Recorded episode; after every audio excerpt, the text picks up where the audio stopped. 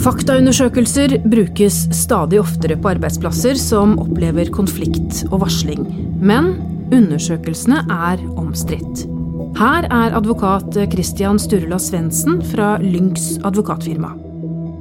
Det er mange som mener at det er problematisk. For det, det viser til anerkjente rettsprinsipper, mens vi bruker det nødvendigvis ikke.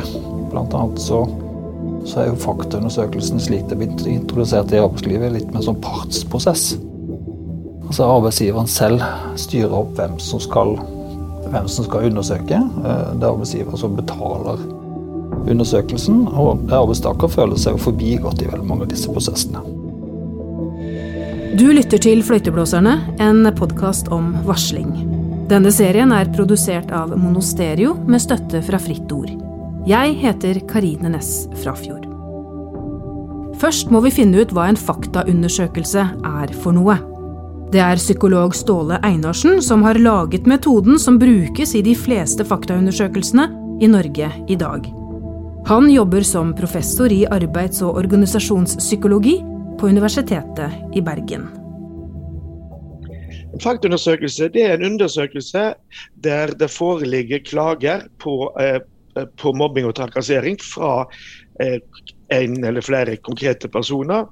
Eh, og der en undersøker de faktiske forholdene i den saken. Altså hva er det som har skjedd, hva er det som har foregått, så langt som det lar seg gjøre sånn i ettertid.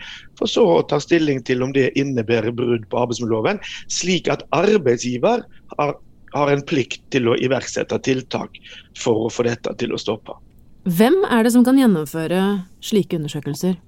Ja, Det er jo bare arbeidsgiver. Det, eller interne undersøkelser er det jo arbeidsgiver som kan, som kan iverksette det. Arbeidsgiver har en undersøkelses- og aktivitetsplikt etter arbeidsmiljøloven. Det er pålagt av arbeidsmiljøloven å undersøke når en har grunn til å tro at det kan foreligge brudd mot arbeidsmiljøloven.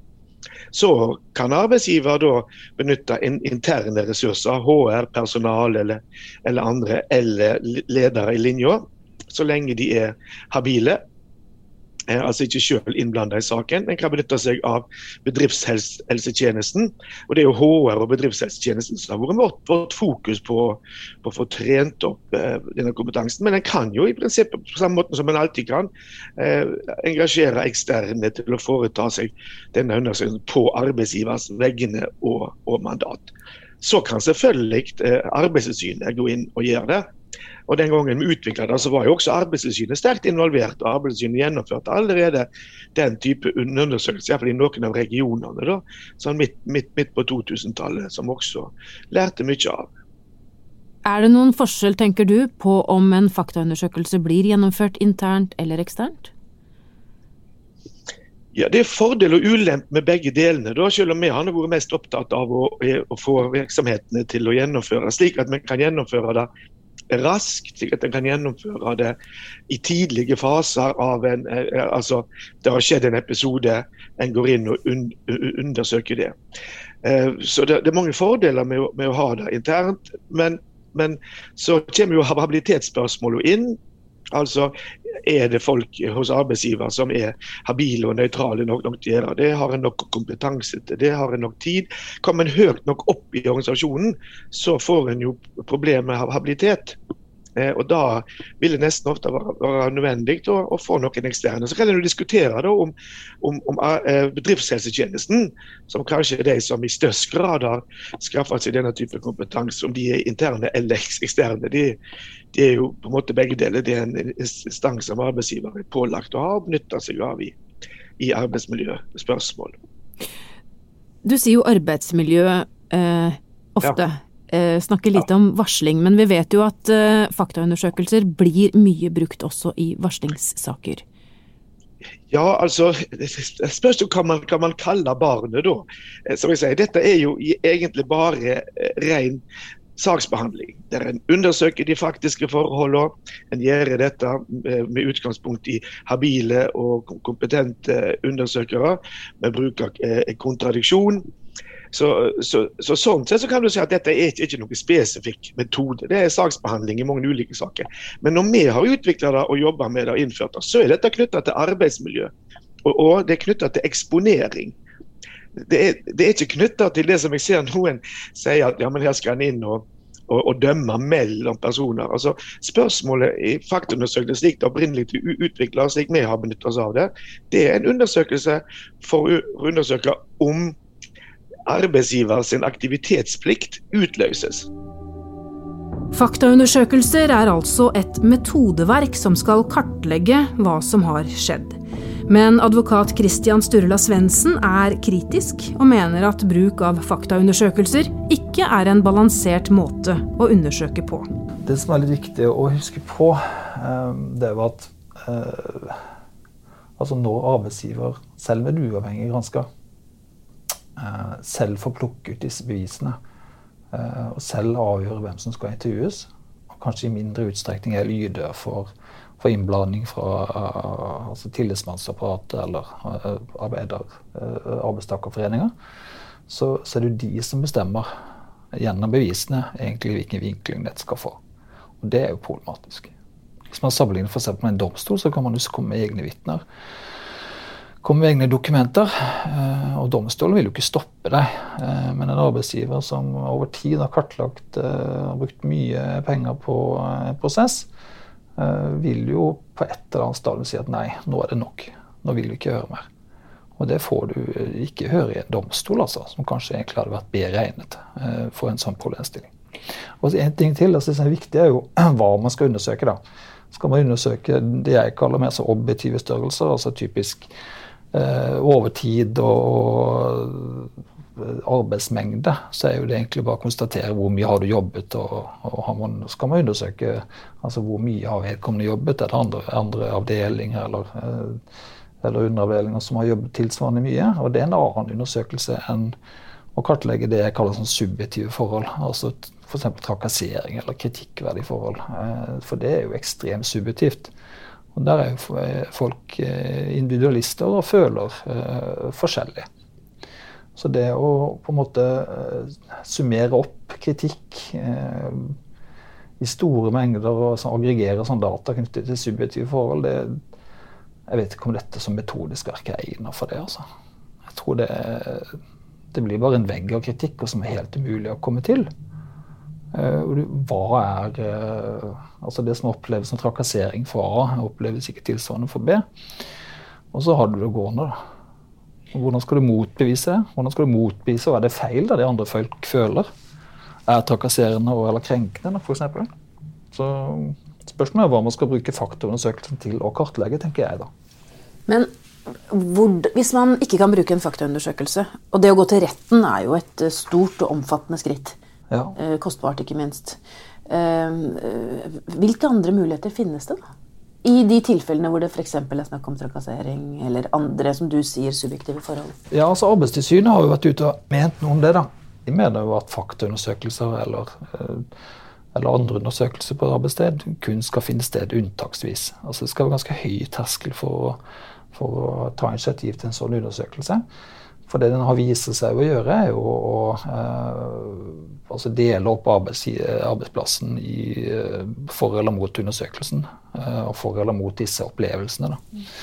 Eh, og det de anbefaler, da, er jo litt sånn eh, skal jeg si folkelig sagt, at man heller tar det over kaffemaskinen. ikke sant? Man begynner smått, og kartlegger litt, tar noen samtaler, eh, finner ut av, går i dialog bruker tillitsmannsapparatet, eh, bruker andre mekanismer enn disse enn å kaste på noen advokater da, som ikke nødvendigvis eh, kanskje egner seg for å, for å ta disse dykkene her. uh, egentlig. Altså, vi er jo ikke eksperter på uh, å kartlegge. sånn sett. Vi, altså, vi kan jo samle informasjon som er, vi kan samle relevant informasjon, men, men uh, å ivareta individet oppi dette her er jo kanskje ikke advokatenes spisskompetanse. da.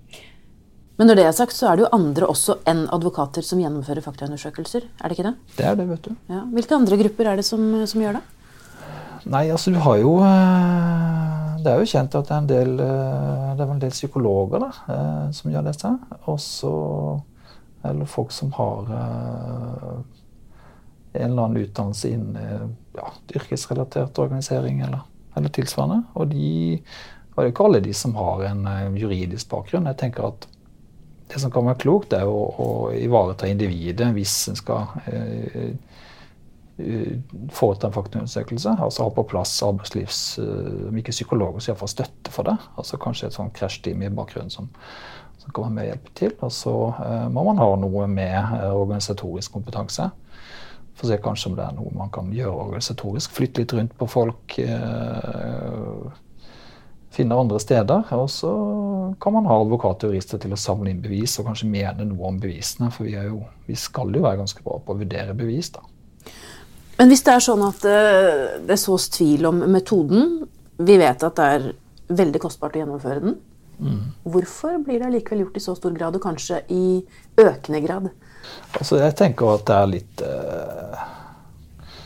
Jeg nesten har fylt koffen, kaffekoppen her, for nå er vi inne på et område hvor liksom ikke jeg kan det beste. Men altså, det som slår meg, er at man, man, man skulle vel eh, eh, Altså Det er litt ansvarsbeskrivelse, tenker jeg. At man som en arbeidsgiver eh, syns det er eh, det er vanskelig å ta tak i, eh, det som dukker opp. Eh, og så setter man på en måte det bort. Og så blir det opp til andre å trekke den konklusjonen. da. Eh, at arbeidsgiver eller arbeidstaker har et eller annet som et eller annet ugjort eller som ikke skal finne sted. Istedenfor å ta tak i det selv, rett og slett. Så er det, det er litt sånn ansvarsfraskrivelse på en arbeidsplass. I gamle dager så så var det kanskje sånn Jeg er ikke så gammel, det hørtes ut som jeg var 90, men jeg er ikke det. Men, men jeg hørte en, en, klok mann sa i sin tid, som jeg jobba mye sammen med, sagt at dette er jo problemstillinger vi tok. Eh, altså Vi dro folk inn på kontoret, og så snakka vi med dem. Og så, og, så, og så, klarte vi å løse en dialog. Eh, og nå er det jo det, berøringsangst egentlig for alt som kan være litt sånn vanskelig på en arbeidsplass. og, og det som da lå til det å være leder, det kjøper man heller inn fra eksterne. Altså. Så slipper man å ta den eh, konklusjonen sjøl, eller vise til andres konklusjoner. Så det er litt sånn feighet i dette her, tenker jeg, da, hvis jeg skulle tillate meg å bevege meg utover det jeg kan. Men du, De sakene du har hatt, mener du at de kunne vært løst over kaffemaskinen? Ja, bedre ledere og, og kaffemaskin i vid forstand. Det mener jeg. Og ved bruk av tillitsmannsapparatet som en ganske god ordning. En sånn lavterskeltilbud for å få i gang en dialog og en prat om ting som kanskje er litt vanskelig. Tilbake til professor Ståle Einarsen. Det har jo kommet en del kritikk mot bruken av faktaundersøkelse i varslingssaker. Ser du noen utfordringer der? Altså Det er masse utfordringer i, i dette feltet. her. For det første så kan du si at det, Den gangen faktaundersøkelse kom, så var det en etterlengta metode for de som uansett måtte håndtere disse sakene. HR, personal, arbeidsgiver, bedriftshelsetjenester hadde stått med disse sakene i årevis. Og Endelig så kom det en strukturert måte som gjorde at en kunne gå inn i sakene eh, og få undersøkt og få avklart. Eh, og Dette var jo veldig kjærkomment den gangen det kom.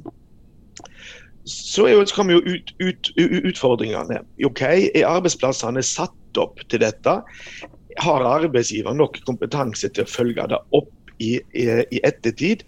Eh, vet, eh, har, har de ansatte kjennskap til, til, dette systemet? Og Så kommer varslingsreglene, som jeg mener har, har skapt ganske mye krøll i dette.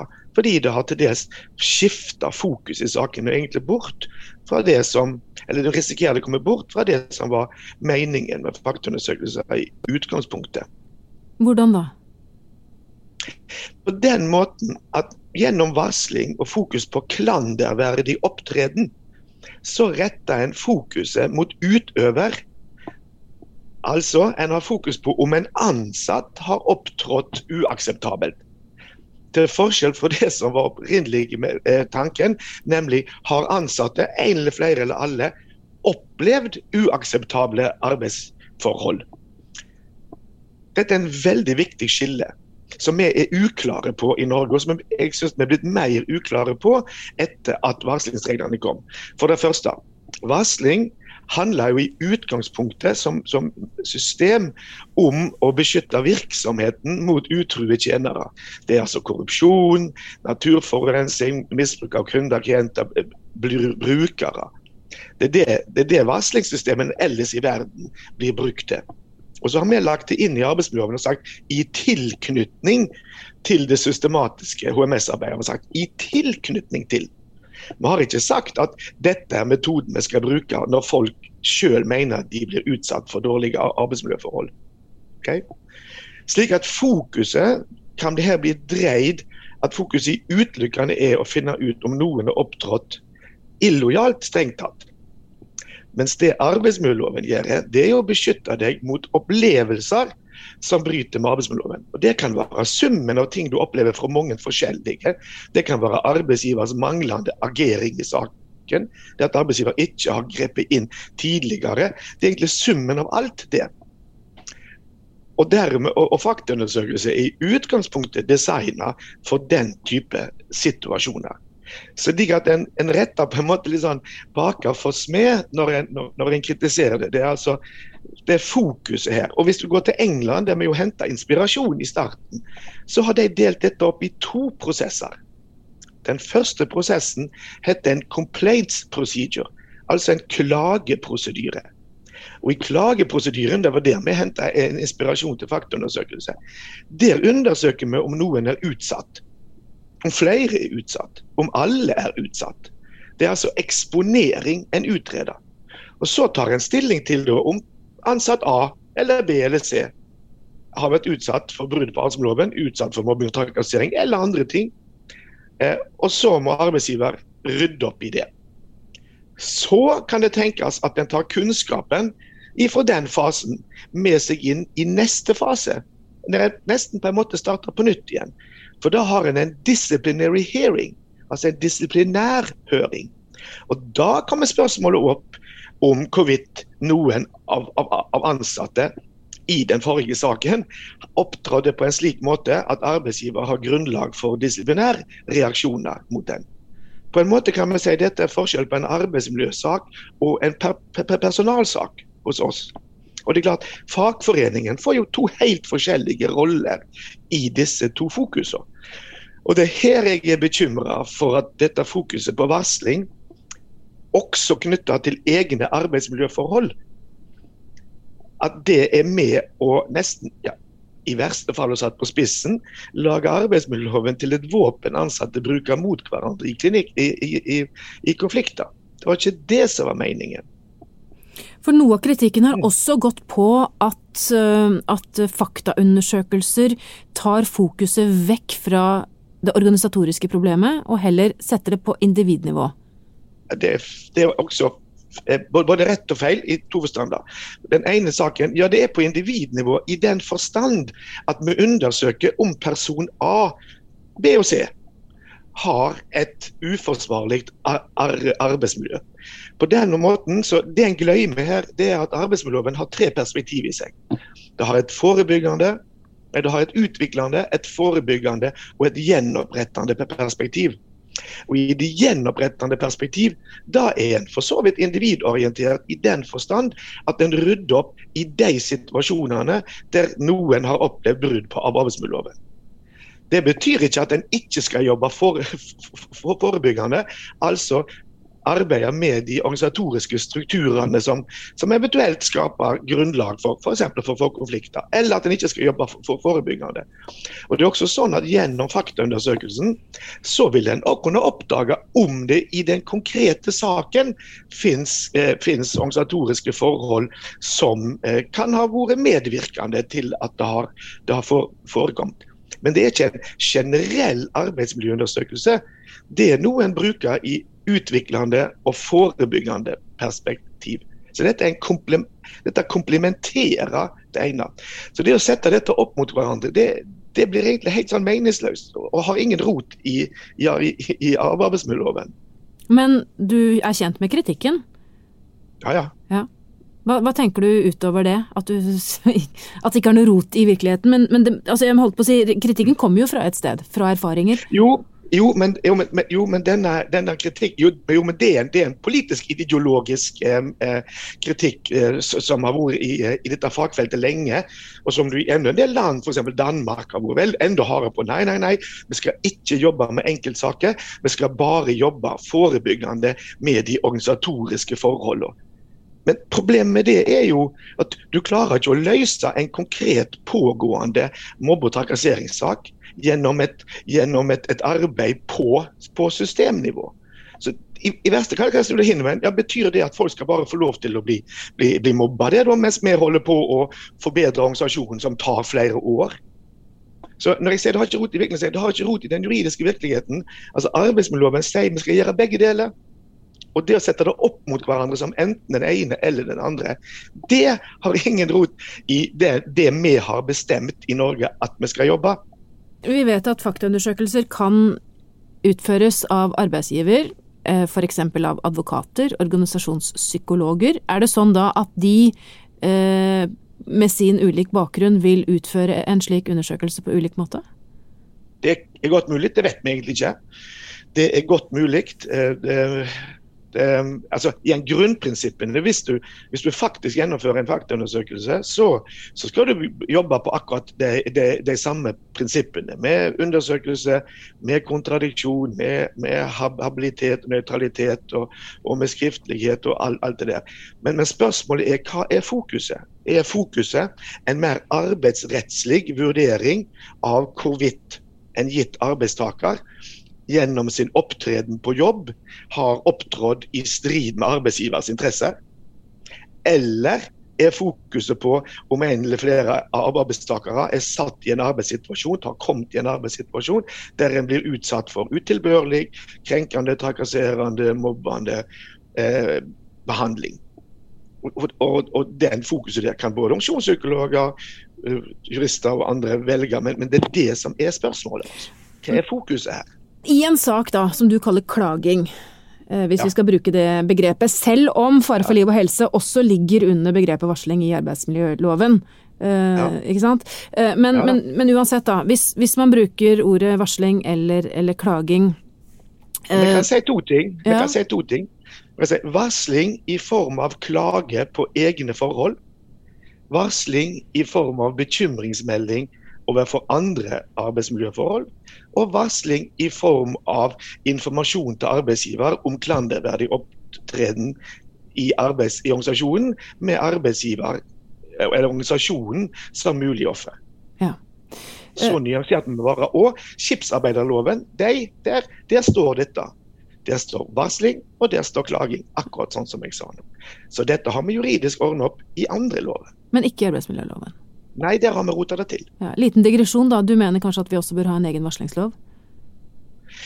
Ja, altså, det, det, det, er jo det andre land gjør, i alle fall. Mm. Så jeg tenker kanskje det hadde vært ryddigere her og hatt, hatt dette som en, som en, egen lov, slik som Sverige har det, blåser lagen. Og at vi ikke skulle blande det inn i arbeidsloven. Men, men vi burde iallfall vært tydeligere. Men som sagt, leser en eh, skipsarbeiderloven, så ser en at der har en håndtert begge deler veld, veldig ryddig. Men når man bruker eh, en faktaundersøkelse i klagesaker, da, for å bruke ditt begrep, ja. um, kan man da være sikker på at man får en eh, rettferdig, et rettferdig utfall av det? Nei, det kan en aldri være. Og det kan en heller ikke være den dagen en går til politiet, den dagen en går til, til, til, eh, til tingretten og, og anmed, går til sak mot naboen. En kan aldri være sikker på det. Og Derfor er det jo så viktig for det første at, at virksomhetene på forhånd har lagd systemene sine for hvordan det, dette skal foregå. At det er noe en har framforhandla med fagforeningene. At det er lagd i regi av HMS-systemet. Så er det viktig at både, både fagforening og bedriftshelsetjeneste er involvert, at eh, verneombudet er involvert. Og hvis en er misfornøyd, så må en kunne påanke den konklusjonen. Eh, og vi har jo et system her. Du kan ta det videre til fagforeningen, som kan ta det opp mot med arbeidsgiver. Du kan gå til Arbeidstilsynet, som kan gå inn i, i, i sakene. Det skulle jeg ønske at kanskje Arbeidstilsynet gjorde litt mer enn de, enn de gjør.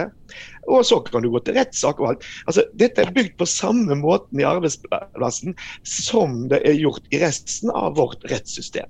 En av årsakene til at antall klager og varslersaker har økt de siste årene, er at norsk arbeidsliv er preget av en konfliktunnvikende stil, sier Ståle Einarsen. Det vi stort sett ser i de fleste saker, er jo at, at her har ledere vært fraværende. Her burde de vært inne for lenge siden. og, og nesten alle saker så ender vi jo opp med å kritisere eh, lederne i virksomheten for ikke å ha gjort jobben sin på et tidligere tidspunkt. Det er jo mer regel enn en det er unntaket, det. altså. Så at vi har en, en kultur nå der ansatte sier ifra, ikke finner seg i hva som helst. Kombinert med at fortsatt så har vi virksomheter som, der lederen ikke har kompetanse på konflikthåndtering. De unnviker å gjøre det, de unngår å gjøre jobben sin. og Det er i ferd med å bli problematisk. Hva er løsningen på dette? Jeg har den, men, jeg har den, men den innebærer mange ting. Den innebærer det som vi har jobba med hele tida, parallelt med dette med faktaundersøkelse. Virksomhetene må utvikle det vi nå kaller en etisk infrastruktur. Det betyr du må ha policyer, du må ha retningslinjer, du må ha prosedyrer for faktaundersøkelse. Du må trene lederne dine, du må ha spesialkompetanse i HR-avdelingene.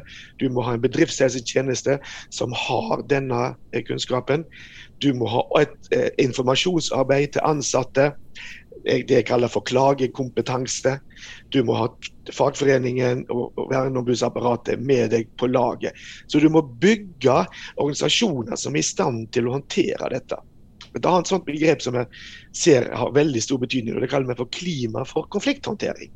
Og Det er jo nettopp de ansattes opplevelse av at disse sakene, denne type situasjoner, de håndterer vi internt.